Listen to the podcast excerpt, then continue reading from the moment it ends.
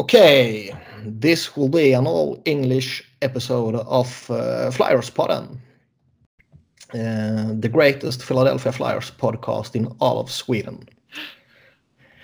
Um, and this time, since it is an, an uh, all English episode, we have a mighty guest, the one and only Charlie O'Connor from The Athletic. Welcome, Charlie.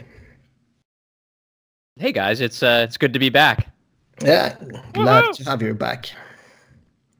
Uh, my name is Niklas Wiberg, and uh, yeah, as always, I've got my trusty pantless companion by my side, Johan Gärtner. What's up, Johan? Hello, guys. Good to have Charlie on the on the Flash pod. Yeah.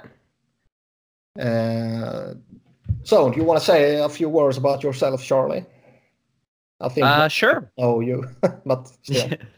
No, no, no problem. So, uh, so yeah, I write for the uh, for the Athletic Philadelphia. Uh, I've been writing there since September of 2017, I guess. Uh, so that's my primary place. Uh, also, am on, on the BSH Radio podcast weekly as well. So, uh, so check that out if you uh, if you haven't already. Uh, but yeah, let's uh, let's get right down to business and talk some Flyers hockey. Yeah. So let's. It's also uh, known as the voice of reason on Flyers Twitter. well, yeah. and he, he's also the. Everyone is know, freaking out, and then Charlie puts out one tweet, and it's like, ah, that makes sense. Yeah, and he, uh, I like it when you talk sexy to me, Charlie, like you did the, the other day about the the summer's business and stuff like that. Yeah. Yeah, that was that was a popular tweet, I have to say. Yeah. Well, let's uh, dive straight into what is probably the biggest story these last couple of weeks. Uh, the Wayne train is no more. And how do we feel about this? What's your take on the the trade in general, Charlie? I, I mean, I guess ideally, I I would have wanted a little bit more, but I don't think it was a it was a bad trade per se. Uh, mm. It's just they didn't get the the king's ransom that you were hoping they could get for you know a guy that maybe isn't the player he was two three years ago, but still you know fills a need that a lot of teams feel like they have. You know they need that that tough guy, the guy who's going to stand up for teammates and also score some goals for you. So he just didn't get the the gigantic uh, return that you were hoping you were going to get for him. But it, eh, the one positive I'll say about this is that I just don't I don't think it was ever going to be a good idea to re-sign Simmonds at the price he's going to get. You know, maybe maybe it's it's July 5th and Simmonds realizes no one's out there that's willing to give that to him. He comes back to the Flyers on a cheap deal that everybody's okay with. I just don't see that happening, but I guess it's theoretically possible. Yeah, um, but one thing I yeah, like it could happen. I don't think it will, but it could. But the thing I was worried about, especially after uh, after Ron Hextall got let go and then Chuck Fletcher got hired to replace him was that I wondered if because Hextall I know for a fact like he he was really far apart with, with Simmonds's team on a on an extension like there was no chance that he was coming back under Hextall and I was a little mm-hmm. worried that Fletcher was maybe going to uh, get caught up in the uh, the sentimentality of Simmonds. You know, he's he's a born flyer, that type of thing, and was gonna, you know, kind of as a way to ingrain himself with all the the long time Flyers people in the front office and whatnot that he was going to give yeah. him an, an it would be the popular move. Yeah, he, he was going to give him the contract that those guys would have wanted him to give Wayne Simmonds. and mm. I I'm happy that Fletcher you know kind of looked at it in a you know kind of like a cold sober mentality and was like this guy's not going to be worth the money that, that he's going to he's going to we're going to need to pay to bring him back so we can't re-sign him let's get something for him and yeah. I, I'm happy that he didn't fall into that trap because I was afraid that he might fall into that trap, and he clearly didn't. Yeah. I think it's uh, pretty safe to say that if Hextall was still here and he would be in the same scenario as Fletcher was now, I think the deal Hextall would have gone for was for that prospect and maybe a higher pick rather than getting Hartman and a lower pick. Uh, mm it seems like Fletcher really wanted a roster player. Yeah. Well, I think that if Hextall was still here, it would be he would be a, more open to getting a prospect.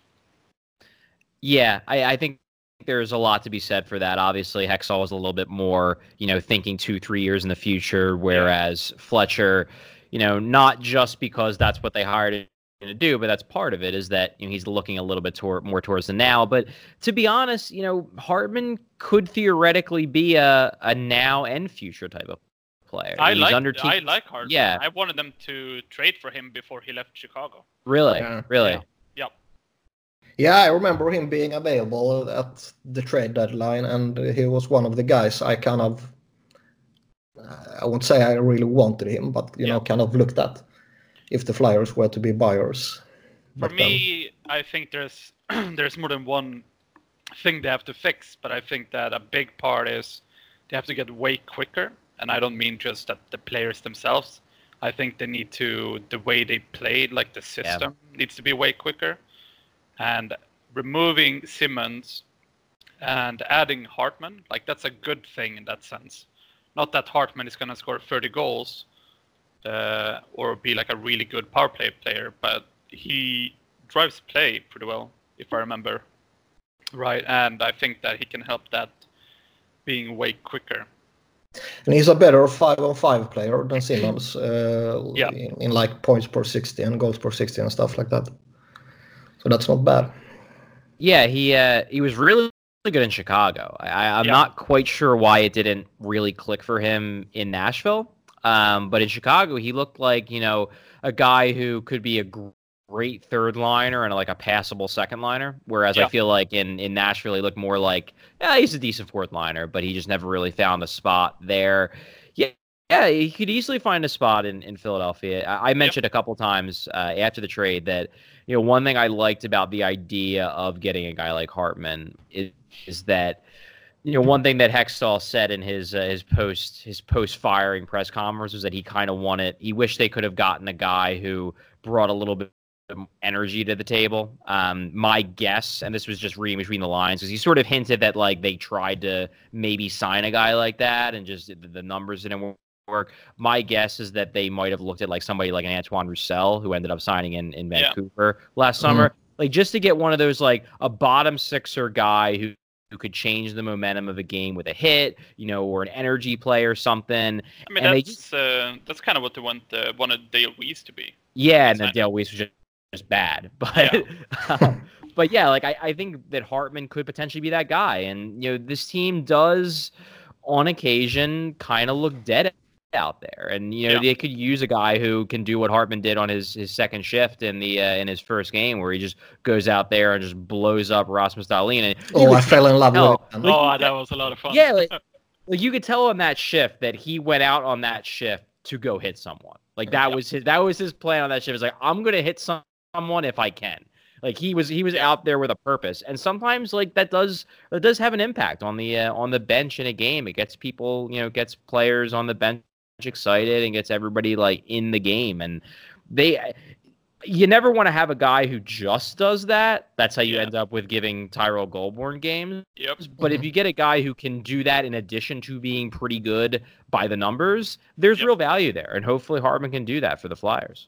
I, I think that also, let's say, if they're really active in the summer, and then you have Frost coming and Farabee and Ratcliffe and all these prospects, preferably you're gonna want those players to play higher up. So in like the best case scenario, Hartman is a guy you can slot down on the fourth line Yeah. if, you, if your lineup is getting really stacked, and that's a good thing. So I think that the Flyers have needed and still needs roster uh, roster depth, and I think that he can help that. And he's young, and he is RFA for another four years or something free. Yeah. Yeah. He, he's got quite a few years of team control left. Yeah. And after this season, I can't imagine he's going to cost that much because he just hasn't scored that much this season. So uh, yeah, So what about uh, Wayne Simmonds uh, off ice? You know, he's he has been like a fairly big leader on this team. Is that something we should worry about, or is it just something that you know we really shouldn't care about? I, I think it, people should care about it. You know, obviously he was a guy who, uh, you know, was sort of willing to be the the bad cop in a sense. Like Yeah. some of the young, some some of the younger players, honestly, I don't think were like huge Wayne Simmonds fans, but it wasn't because like Wayne did anything wrong. It was just like, you know, hey, when the young guy was not giving it his all in practice, you know, Giroux is a leader, but he's more a lead by example kind of guy. He's not the guy who's gonna like pull you aside and be like, hey, you're not you're not pulling your weight, you know, get your shit together. And Simmonds would do that, and you know it allowed it allowed Giroux to kind of just be the guy who everyone likes, and Wayne kind of took the brunt of some of the uh, some of the negative feelings if necessary. That's part of being a leader. And, you know, somebody else is going to have to stand up and take that role. Like it's, yeah, it's, I was going to say that. I like going to be a thing. Up, yeah, I, I like that it opens up for someone else. If it's uh, Provorov or Patrick or Andrew MacDonald or, or something, yeah. Andrew MacDonald. so if it's uh, someone younger, obviously Simmonds leaving opens up a big space in the locker room. So I think it he will be missed, but I think it could be a good thing for the younger players to get a bigger role as well. Yeah, and, yeah, and I, I think it's fair to say too that like while I'm sure his leadership was important, it's not like his leadership pushed this team to win anything. So. Yeah. Like I'm sure it was important in the locker room, and I don't want to discount the value there, but it's not not like it was so valuable that it pushed this team to overachieve their true talent level. They yeah, basically exactly. just achieved their talent level. So yeah. yeah, I really don't mind shaking the core up a bit by moving Simmonds, since the core hasn't done shit. uh, yeah, I agree. Well, honestly, and, and like Giroux, you don't want to see him leave. You want to see him retire a flyer.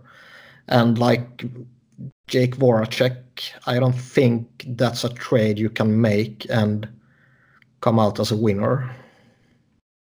I guess you yeah, would have to be yeah. lucky with a prospect or something that uh, just hits. Yeah, I don't know. Yeah, or or find another another team who like do like a change of scenery for change of scenery type trade, like two big name guys. But yeah, they're they're hard trades to pull off and not and not get, get swindled in them definitely. Mm-hmm. So, uh, anything more about Simmonds?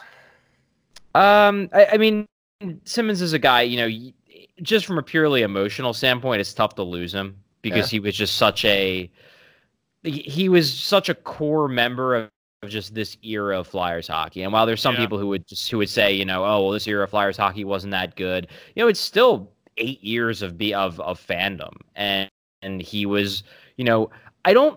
I don't know if I would say he was the most popular player on the team among the fan base, but I think he was the. You think he was the most, most universally liked.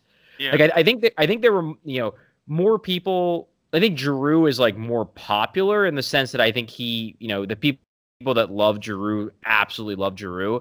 But if you were doing like an approval rating on the players, like Wayne Simmonds was probably around like 98, 99%. And Giroux's maybe yeah. at like 85, 90. So I think that was the big thing. Like no one disliked Wayne Simmonds. Maybe at the end people did just because they thought he wasn't good anymore. But like you mm-hmm. still liked him like the player that he wanted to be. You just wish that he was that guy again. But I think it's it's it's tough to see him go, but it was it was the right move for the for the organization at this particular time to to say goodbye to him.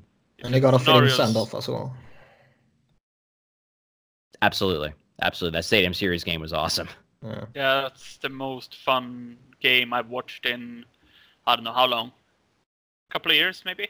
that was a lot yeah. of fun that can be a game that you look back to in like five years.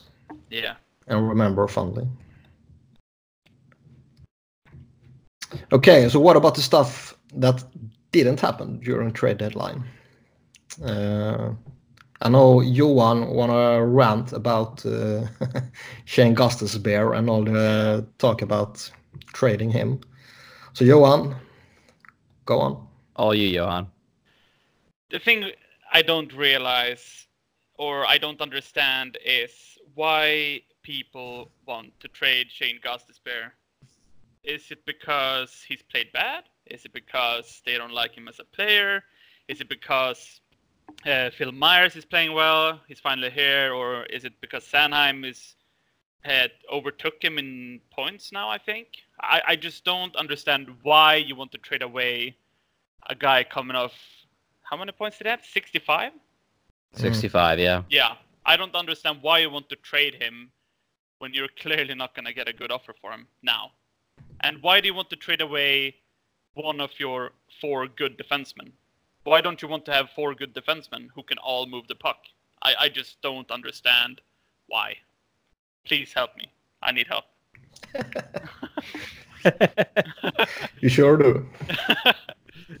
it's a. Uh, yeah, it's it's definitely not something I I advocate for. Uh, obviously, Ghost isn't having a great year this year. I think he's I think over the last week and a half or so, pretty much after the Stadium Series game, I, I've I've liked his play aside from the fact that he's not scoring, but I've liked his his all around play a lot more. Um, I think that's it's probably not a coincidence that it's coincided with him being paired with Phil Myers and not Andrew MacDonald, but that's yeah. that's a that's I mean, a debate I, I think debate for say, another day. I think it's fair to say that he was struggling. Yeah, uh, like just like every other player, the first two three months. I think that's fair to say.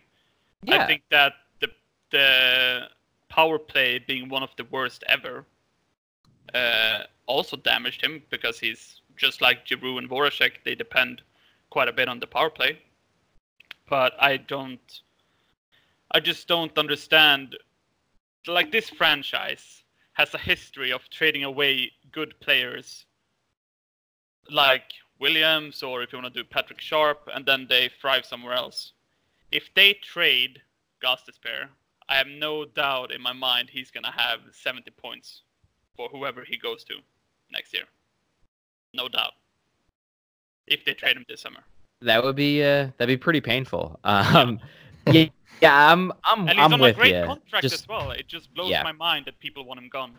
Yeah, I I really do believe that a lot of this boils down to across the fan base and even in like corners of just the hockey world, talking like within the Flyers organization and just in the NHL in general. There's just this inherent skepticism regarding offensive defensemen, um, yeah, and not just yeah, like not and not even just him, but there's like a feeling that you know, like the the one thing that that infuriates me more than anything else is this idea that well, now that Travis Sanheim is establishing himself, now that makes Ghost expendable, and it's like, yeah. well, it, it, the the underlying assumption there seems to be that well, we can't have two offensive defensemen. You can only have one offensive defenseman in your team, and everybody else has to either be two way or defensively oriented. It's like you can you can have two. Yeah, like it's like just it's like when Team Sweden cut uh, Victor Hedman from uh, the Olympics because we had Erik Karlsson. He was too good at everything. Uh, yeah, or like you know, it's not as if Nashville say to themselves, "Well, yeah, we have Roman Josi and PK Subban, so we got to trade one of them because we can't have two offensive defensemen. Like, no, they're both elite offensive defensemen and they're great, and you have two great offensive defensemen, and that's awesome. Like, it, there's no reason the the idea that, and I, I'm sympathetic to the idea that like a defense core should have a degree of balance. Yep. But in the end, talent's going to win out over that, and I think that, you know, I don't think having Sanheim and Gostisbehere on the same defense is in any way, shape, shape or form a bad thing or in any way, shape, or form redundant. Like I just think it's having two really good offensively oriented defensemen. And Sanheim may even develop into a two way defenseman. Like he yeah. obviously is offensive leaning now, but that doesn't mean he's always going to be. You know, maybe the, the defensive side of his game continues to round out and he turns into a real two way force. That's possible. I think he's been I just, pretty well defensively. Yeah. Yeah, yeah. I mean, this year definitely, especially yeah. in the second half, he's uh, he's looked really solid defensively. He's still prone to some mistakes, but he's getting better. He's getting seems like he's getting better yeah. every day in his own zone. So yeah, I don't get it. And I think you know just watching Sunday's game against the Islanders and having all four of them, you know, Ghost, Provorov, Sanheim, and Myers all play well. You're just like, man, I don't, I don't want them to throw this away on yep. you know on just this idea that well, Ghost is has the most trade value, and it's like you know, they they spent all this time developing these guys. They all look like they're going to be good. Yeah, they all look like they're going to be good. If, if they were going to trade Ghost, like I know some people have said, you know, well, you could, you know, they, they need to get another impact forward, and that's what, you know, that's what you maybe Ghost could bring you back. Like, if you were going to trade Ghost, the only trades that I would be okay with trading Ghost for are trades for like another really good young defenseman. Yeah. Like, if you were to trade Ghost for Jacob Trouba or Ghost for Colton Parayko, like I could live with that. Like that, that yeah, to exactly. me would be like, like I'm cool with that. You know, they're about the same value, they're around the same age is sure. Like if you think the one of those two guys fits with this defense better and allows you to continue to have this big four on defense, sure. I, I, I I can I can run with that. But if your plan is to trade him for like a good second line winger, like just keep Shane Gostisbehere. Yeah. I Mm. I just I, I think people forget when they think of Sanheim, they think only offense. They think of Myers. Maybe they think the same. I don't know. The only one that categorizes for me as a straight up offensive defenseman is Ghost. Yeah, And agreed. it, and last year he he was way better in his own zone, especially when he was playing with Provorov. They were pretty great together. Well, that's year. a first pairing in the Yeah. league. So it's a not proper like he first can't pair. do it. And then when you have players like Provorov, who hasn't been great this year, but I mean, he, we all know his potential and how he played last year. Uh, you have Sanheim, who's getting better in his own end. You have Myers, who I don't know if I've ever seen him get beat so far in these games in the NHL. Like, properly beat. I don't know. Like, he looks like he's going to be really good defensively yeah, why can't we have all our good defensemen playing at the same time? Thank you. Because hits. Yeah. because hits. yeah. Well, I think the people that want to trade a ghost are probably the same people that really values uh, like a Hägg. Yeah. I mean, people who I've seen on Twitter when I basically tell people they're idiots because they want to trade Ghost are saying that the reasoning behind that is, yeah, but he's only good offensively and he's struggling. Well, Robert Hägg isn't good at defending, which is the only good thing he's supposed to be good at, and he can't do it. He's like the second worst in the whole league. Why aren't people complaining about him? I mean, people are, but why aren't more people? Yeah, I think it's possible with Ghost, and like this may just be something if they keep Ghost, they may just have, to deal with is that he may just be a high variance player. Like he may be the kind of guy where he's going to have years where he just like absolutely carries your defense, and then he's going to have years where he's just not that great. And like on a team where he has to be the number one or the number two defenseman, that might be really bad. But Yeah. on the way, like the way this defense is shaping up, like I don't know if that's the worst thing in the world. Like if he has one year where he's like, you know, you know, where he's getting 65, 70 points and he's in he's in the Norris Trophy discussion, and then he has one year where he's more around 40 and he plays more as your like your sheltered third pair guy. Like Yeah. I don't know if that's I mean, it, ideally he'd be, do, be doing the former every single year. Yeah. But if he's technically like the number four on your depth chart and he's getting paid like that, which he is, that's not going to kill you. And he Yep. still has the ability on any given night to go out there and change a game. So, like, I don't know why. That's another thing. Is like, like you're getting you're you're angry that Ghost isn't playing like a number one when he's getting paid like a number four. So, you know, he's already on a bargain contract. If he plays like a number one, you're getting insane value. If he's playing like he's playing this year, you're basically just getting market value for what he is. So if his ceiling is, you know, he gives you $5 million of surplus value in a year, and his floor is that he's basically playing to the amount of money he's getting paid, this isn't a bad thing. Yeah. If I had to slot in all the demon, let's say next for next season, and they go after uh, a defenseman who can play with Provorov, a right-handed defenseman, let's say Spurgeon, for example, who I think everyone wants, who might be available. You never know what the Wild want to do with their Yeah. retooling.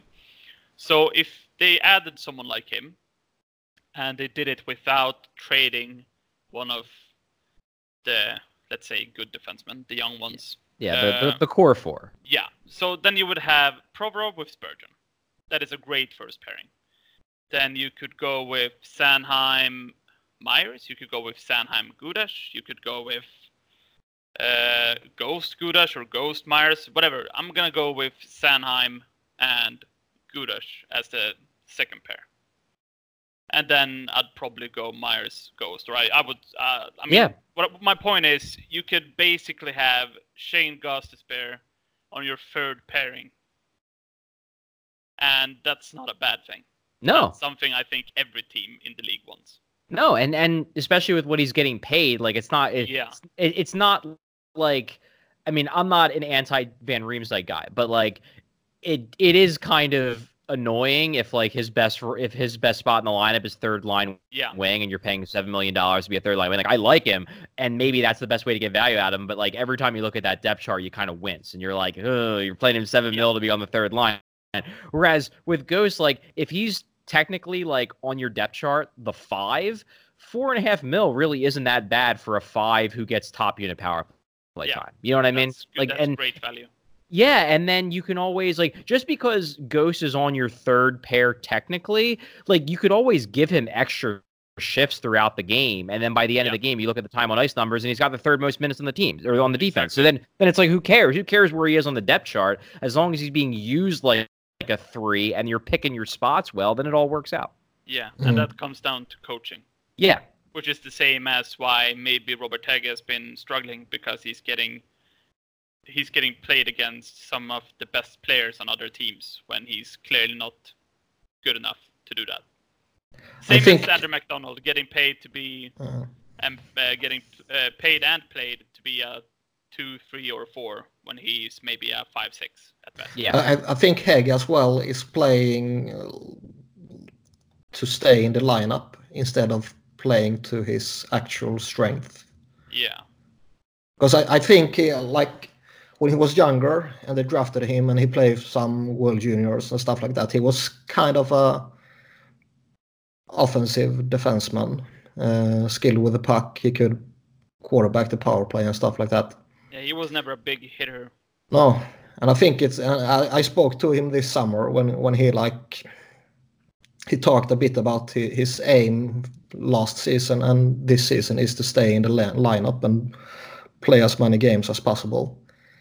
And I think he's like adapting his game in a way so that the coach Dave Hakstol uh, would play him, and he like he's doing what he's told to do.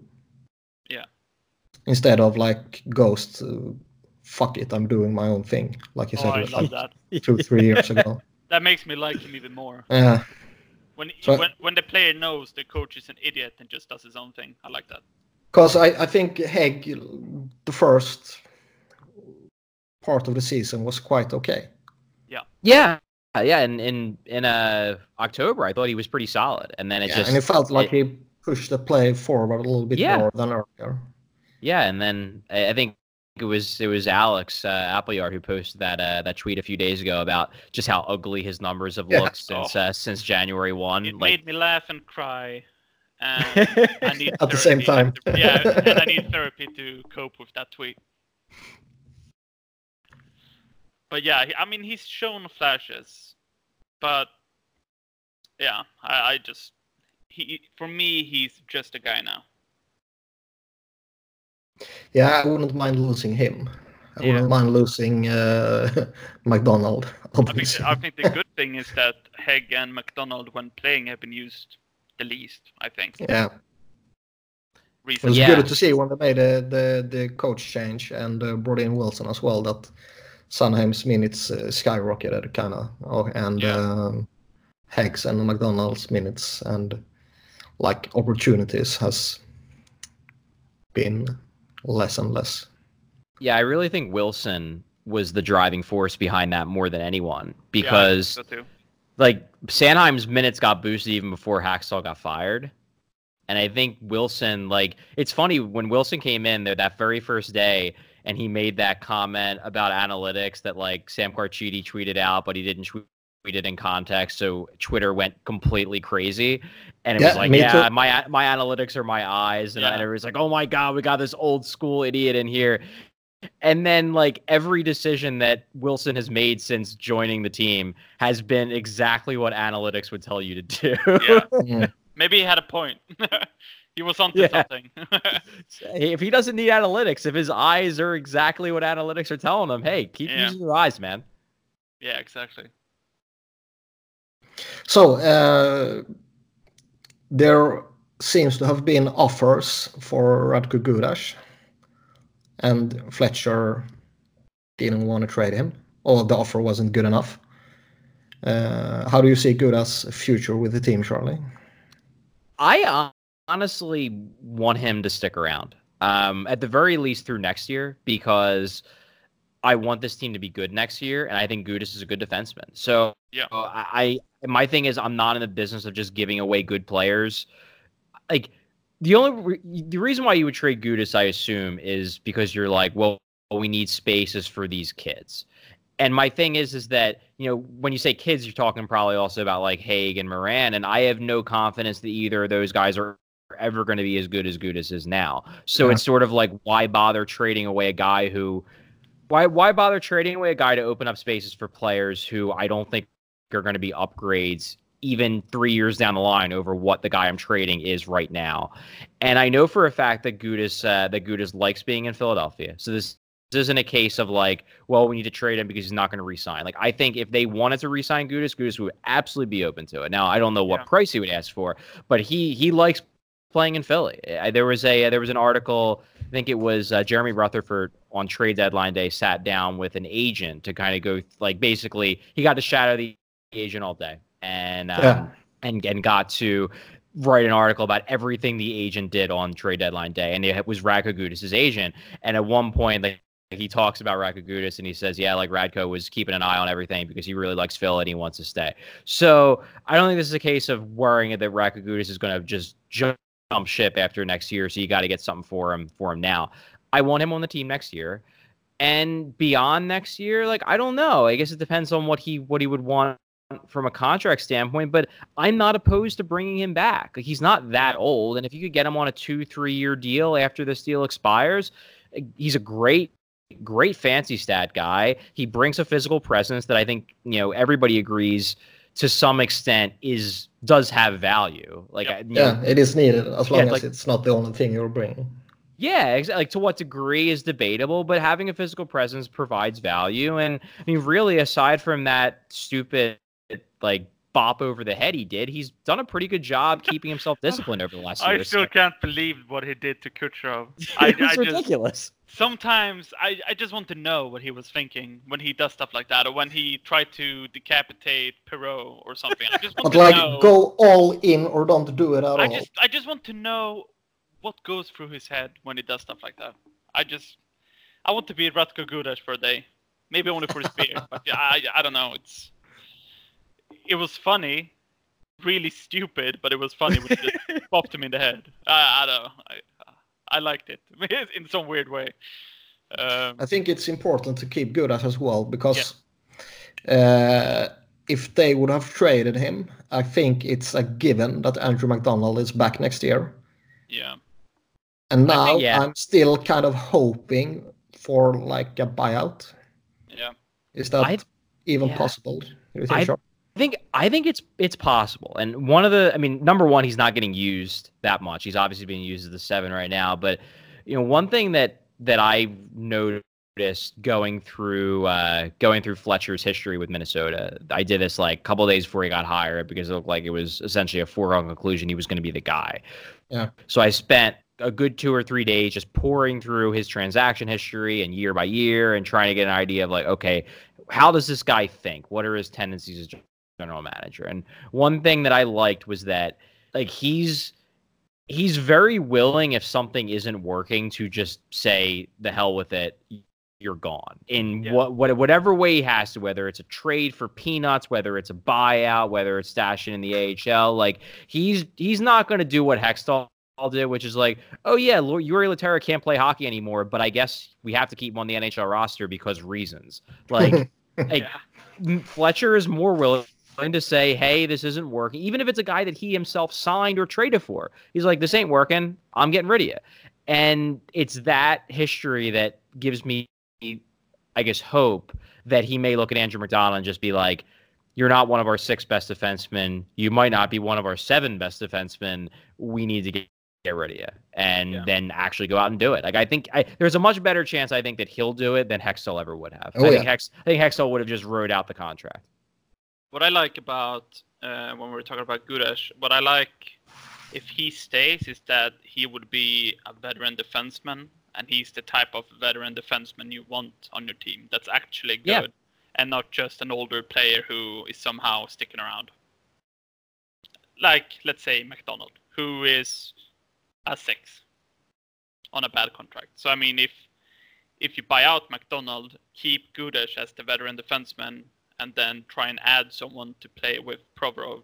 That would be best case scenario for me for the defense next year. Yeah, I think they can look at someone like uh, Anton Stralman. Yeah, Stralman's interesting to me just because I know he's not having the greatest year in Tampa, Yeah. um, and he's a little older. Uh, but I, I think I think I said this a few months ago that like I if I was Fletcher, I would basically just have one scout pretty much watching every single Tampa game to try to figure out if Stralman is actually cooked or if mm-hmm. like this is just like injuries and there's a bounce back that you would expect because he hasn't been he hasn't been terrible this year, but he hasn't been like Anton Stralman good. Yeah. And I assume you're, you'd have to pay him kind of for his name. So I'd want to get like a real read from my scouts as to whether like this this is the new normal for him or if he's still good. And if the scout comes back and says like, no, I think he's still good. Like from a fit standpoint, he does fit. Like he's he would be a good fit. if he was somewhere close to the Stralman we know, Yeah, I would have been all over him in free agency. definitely. The Flyers. Now I'm So- a bit hesitant, but yeah. I saw you tweeting, uh, Charlie, about Tyler Myers. That you kind of think that they might look at Tyler Myers, You know, he's and you don't like it. yeah, yeah. He's it, it, there's nothing that I've heard. Like I haven't heard anything that links them to Tyler Myers. It's just kind of connecting the dots of like they want a veteran defenseman. They want a guy who's a little bit more defensively oriented. They would prefer him to be a right-handed shot. And it's like, well, Tyler Myers kind of fits all those all those boxes, and he's a pending free agent. Like you wonder if he's a guy who they'd look at. But yeah, I, I don't just don't think he's that good. Like I, yeah. I think he's I think he's basically just a five. Like he's a decent five. And I the the veteran guy they go out and get this summer, if they do go out and get a veteran guy, I want him to be better than just a five. I don't want them to be replacing Andrew MacDonald with another Andrew MacDonald. Like I want it to be a guy who actually moves the needle in a positive direction. Pretty sure he's gonna get paid a lot as well, even though Of it it- might not yeah. be that good. But if you're looking at free agency, he he and Strålman is probably the most logical options. Because I don't think Erik Karlsson will hit free agency. I just can't imagine it. I think he he'll get signed somewhere or his rights Yeah. will be traded. Um, and I, yeah, well, maybe Jake Gardiner is is good as well, but he's not. I don't think they will look at Jake Gardiner.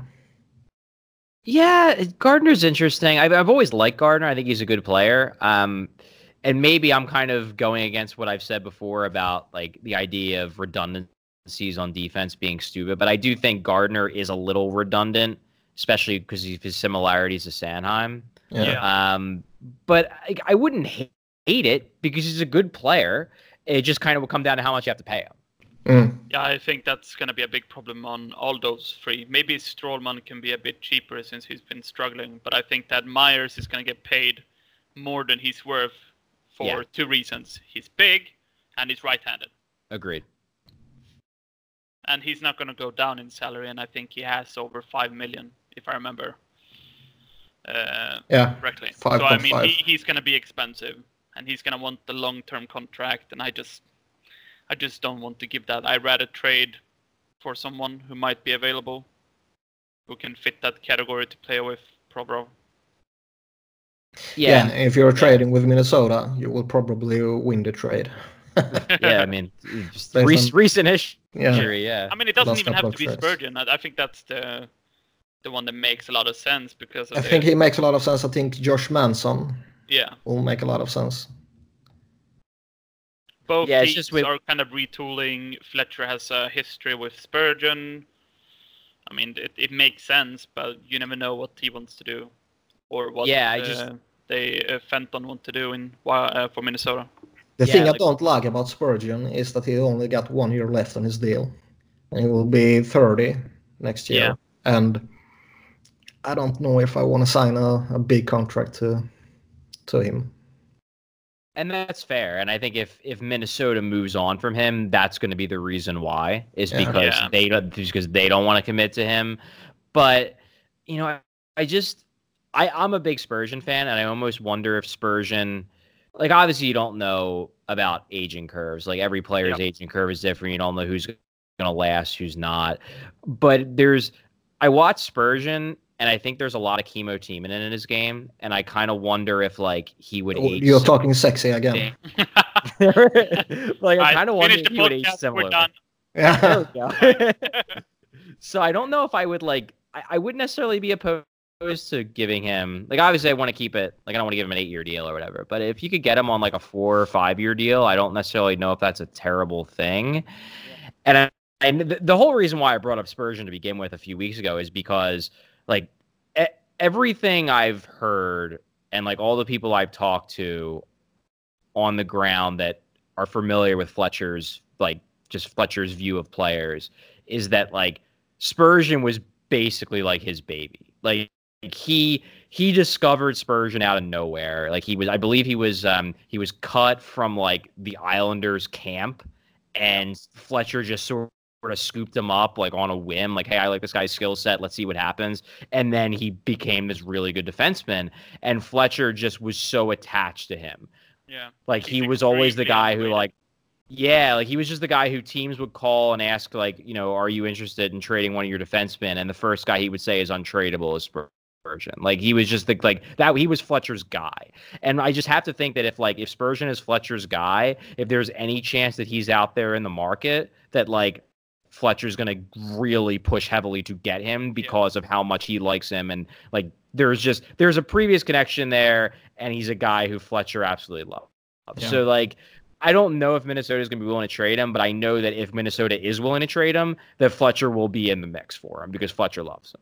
Yeah, I, think, I don't think it's too far fetched that he could actually be on the market this summer, considering what the Wild are trying to do.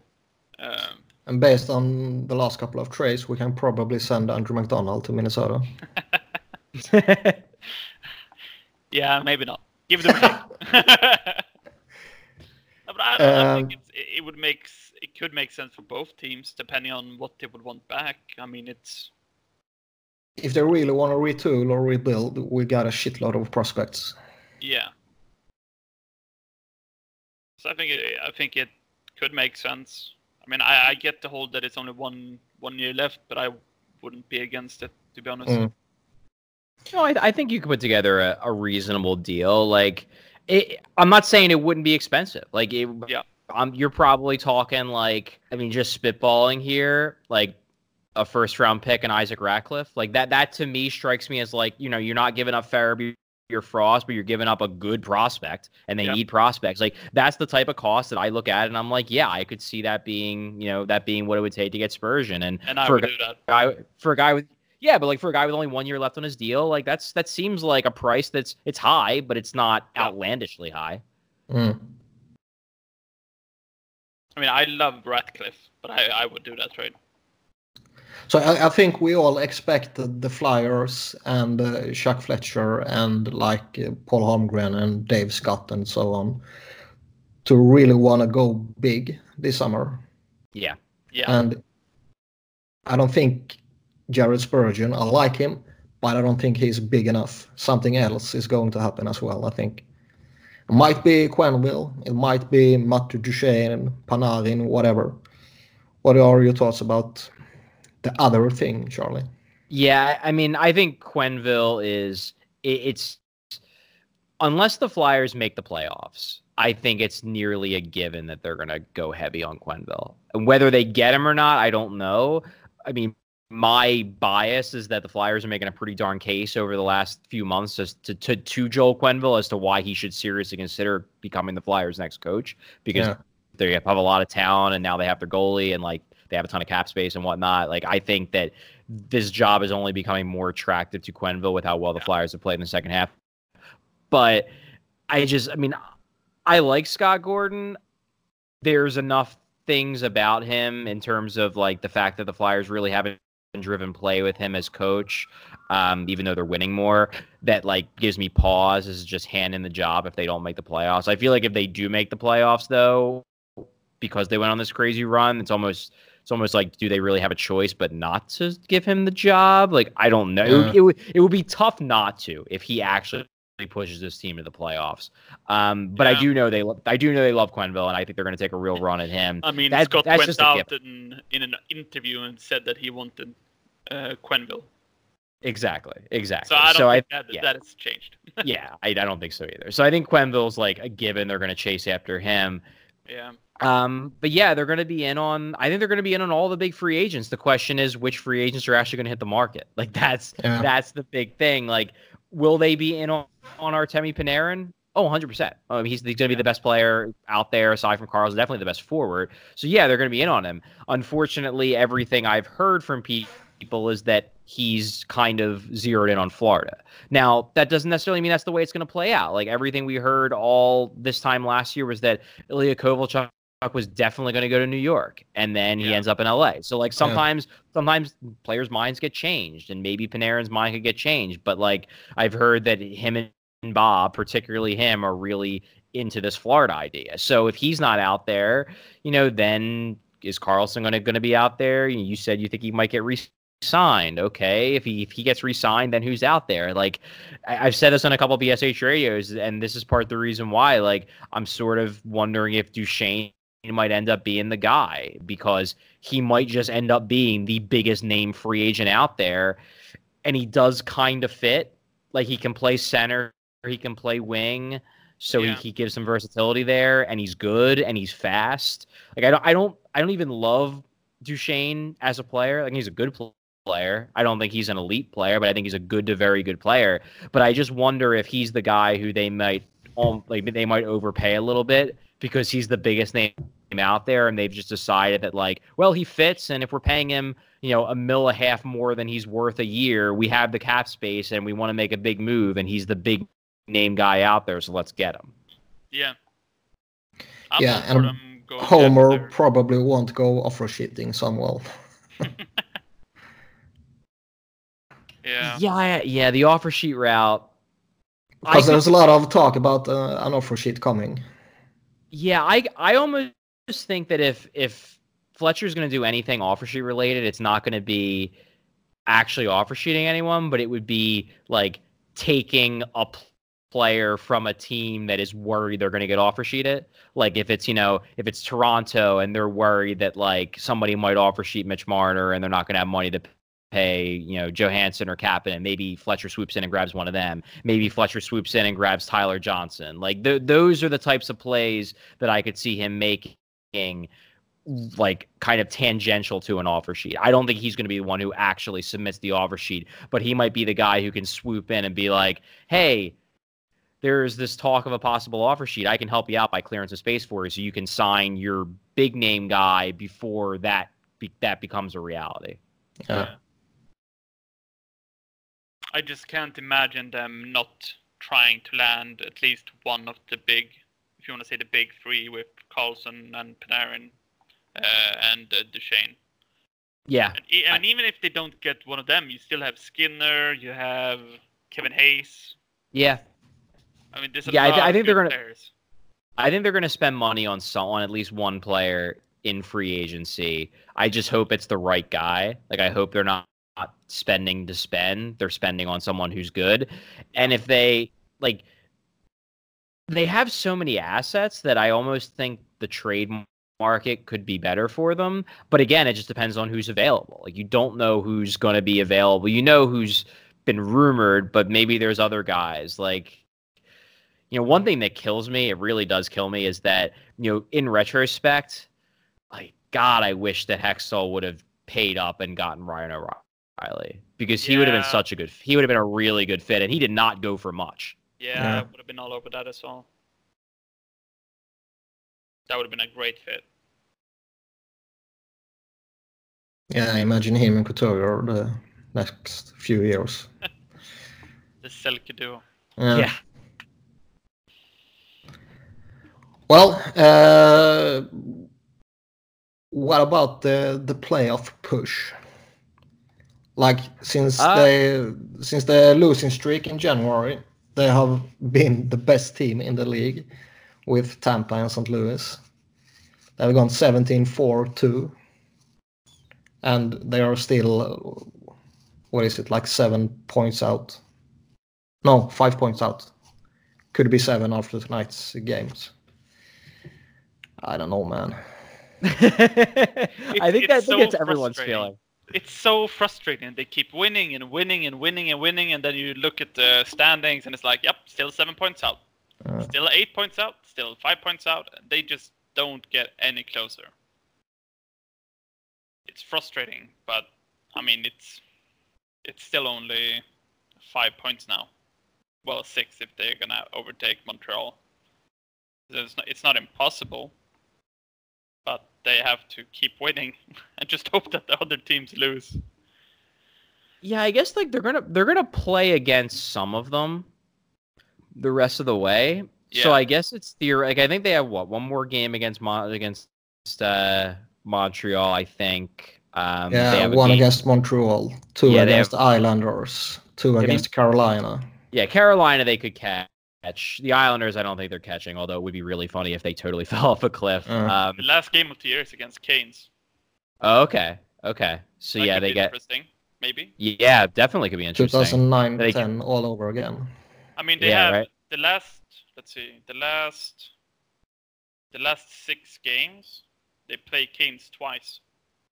Wow. Okay. So I Okay. mean, that could be a big swing if it happens to be between them. Like you never know. Um, They'll find mean- a way to fuck it up. I mean, I'm starting to believe. I've been kind of, nah, it's not gonna happen. They're too shit. And then it just keep, then then it, then it keeps growing. It's like, yeah, maybe. And then Carter Hart comes and it's like, yeah, that's my boy. Uh, he can do it. And then he gets injured. It's like, yeah, it's not gonna happen. And then Brian Elliott is uh, showing that he's 25 again and amazing. It's like, okay, I guess he's not dead yet. Um, Yeah, let, let, us talk about Elliot and Talbot for uh, a couple of minutes. Like yeah, sure. they bring they bring Cal, Talbot in, and he's gonna be Carter Hart's daddy. Kind of. But yeah. they are still playing Brian Elliott. Yeah, it's uh it's actually it's funny you brought that up because uh the article I'm working on literally right now, well, not right now because I'm talking to you guys, but right before I got off the uh, I, I got off the the web page where I write my articles is on the Flyers goalie situation and it's basically looking at all four of the guys who are still with the NHL team and trying to make sense of like what the heck is actually going on with all of them. And yeah, the uh, the Talbot Elliott situation is interesting, but I think what it boils down to I really do think what's going to end up happening is Elliott's going to stay the primary guy through, you know, at least un- until Hart comes back, if Hart, comes back, because I don't think that's a foregone conclusion that he's going to come back this year. They're going to they're going to take it very very easy with him, and if Yeah. he's if he's ready, that's- great. If he's still a little banged up, they're going to be like, hey, dude, it's okay. You don't have to play the rest of the year. Yeah, We know- that's the right move. yeah, we know you're good. Uh, But I it would have that- been funny to see how Heck, uh, how Hackstall would have handled the whole Oh, situation, a really considering how he's handled Elliot and Neuvirth these years. oh, oh, you're you're about to die. Yeah, you're starting tonight. oh, oh, you oh you broke your penis. Yeah, you're starting. but uh, I think Elliott's going to stay the um, the main guy because I think what they've looked at is that they think Elliott right now is the better goalie than than Talbot, and I think that's probably a fair way to look at it. But by the same token, I think that they're going to re-sign Talbot, and I think the Yeah. reason is I think I think that's what's going to play out is that Elliott's going to get more games the rest of the way, and then they're going to say goodbye to Elliott, and they're going to re-sign Talbot. And I think what it boils down to is that even though I think they do believe that Elliott is true talent wise probably a little bit better than Talbot, they can't trust Elliott to stay healthy. They can't. So Hmm. you can't go into next year with him as your 1B if you can't trust him to stay healthy. I will lose my mind if they somehow resign him instead.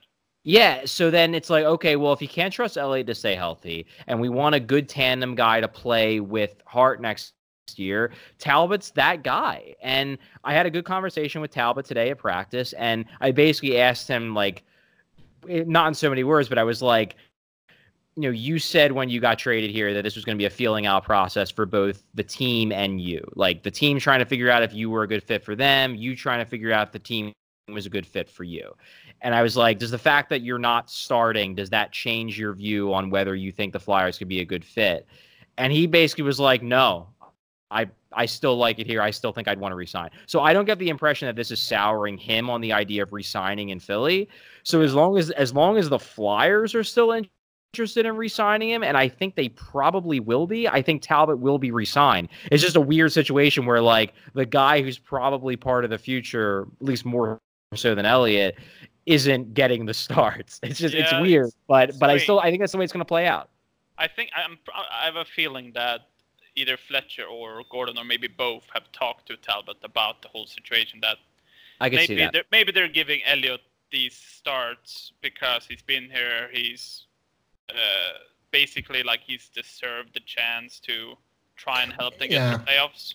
Yeah. I, I don't I don't buy In that it. sense, I, I think that might be the case, but I don't like it. yeah, I, I, think, don't, I don't, I think- I necessarily think- agree with it, but I Yeah, think that's Elliot he, he can get the the stadium series game because he has deserved it. But Yeah.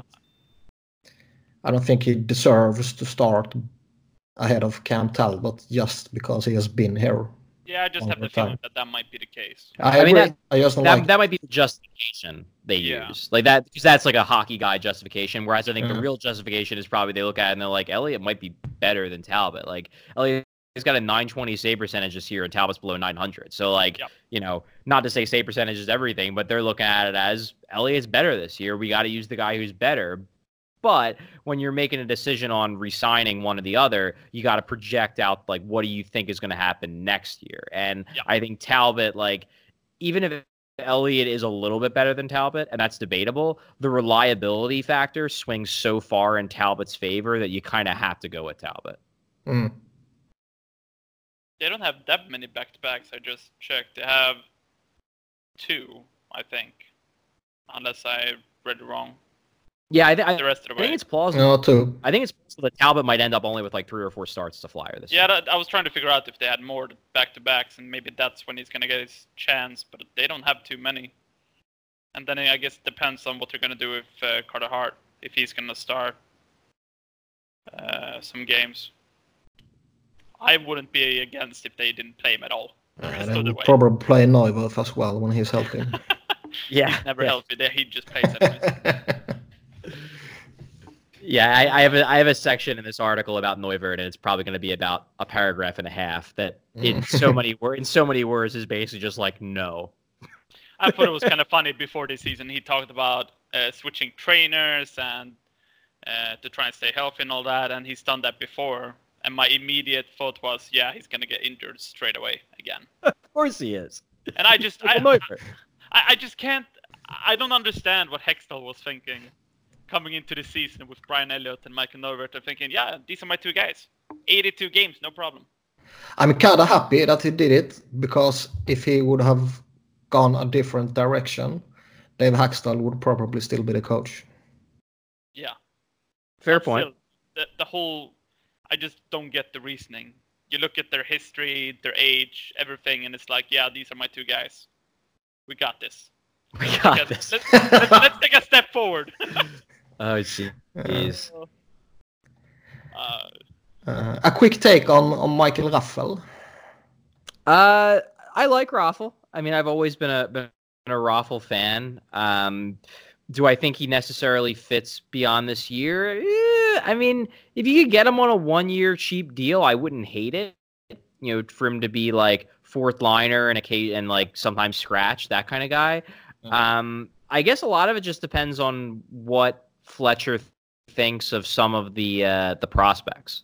Like if Fletcher thinks that like Aubé-Kubel and you know he plans to sign maybe if he plans to sign like Laczynski and he thinks he's ready, or if he thinks like you know a Connor Bunnaman or a Carsen Twarynski is ready. Like if he thinks those guys are ready to make the jump next year, then maybe he lets Raffl go. I, I don't get the impression there has been like a crazy amount of talks between the two sides or anything, but I also don't get the impression that Raffl will be opposed to it. So yeah, I'm, I don't think it's like a crazy terrible idea to consider bringing back Michael Raffl.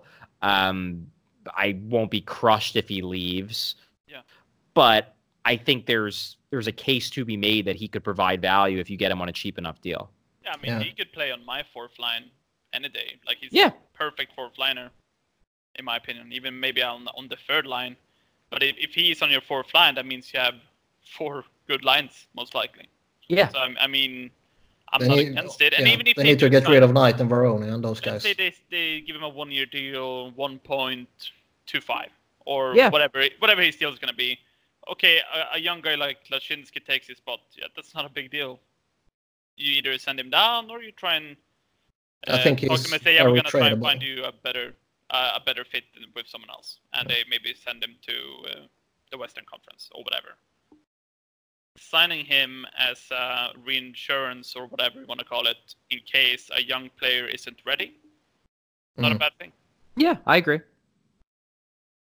I get why they didn't trade him though, because I think that if you look at all the players injured with Lehigh and uh, trading away Simmonds already, I think that it doesn't really make much sense to trade him now and get a fifth round pick. It's not like Yeah. they need that fifth round pick. Yeah, exactly. I think if somebody would have called up and you know on deadline day and been like, "We'll give you a third round pick for Michael Raffl," I think they would have done it. But no, Yeah. no one was offering that much, and you know, at some point, I mean, Fletcher said it after the deadline, like. We have so many picks and prospects. At some point, we have to be turning these things into actual players. And Yeah. you know, getting another fifth round pick, it's not moving the needle. Like, yeah, once in a while you're going to get an Oskar Lindblom, but most of the times you're going to get a no one. Yeah. Yeah. And they're still pushing for the playoffs. Yeah, Even If they probably won't make it, I mean, they you still need players on the ice. yeah, agreed. So uh, the hour is up. Charlie is gonna go do something more important than uh, talking to me and Johan. Yeah. Uh, do you have something clever to say as a finish? Um, no, not really. I guess just uh, thanks, thanks a bunch for uh, for having me on the show. Uh, it's always it's always a good time uh, chatting with you guys, and uh, I always I always enjoy when you guys have these English only shows, so I can uh, I can actually listen. Um, Yeah, a lot of people even say even when I'm not on there, like you know, when you guys have uh, have Alex on once in a while, it's always a blast to actually be able to understand what you guys are saying. that. Where's the dedication? I Learn some know, right? I haven't Come learned the on, whole man. language from you guys. Yeah, that's bad. Well, thank, thanks for joining us. Always. Um, tack så mycket in Swedish. Okay. it's my first my first lesson. That's how Yeah. you tack. And I'm gonna teach you all the bad words uh, another day. All right, sounds good. uh, Johan, I talk to you some other time. Yeah. Hopefully not uh, too soon. Yeah. Uh, Charlie, thank you. Thank you. And uh, goodbye. All right, bye guys.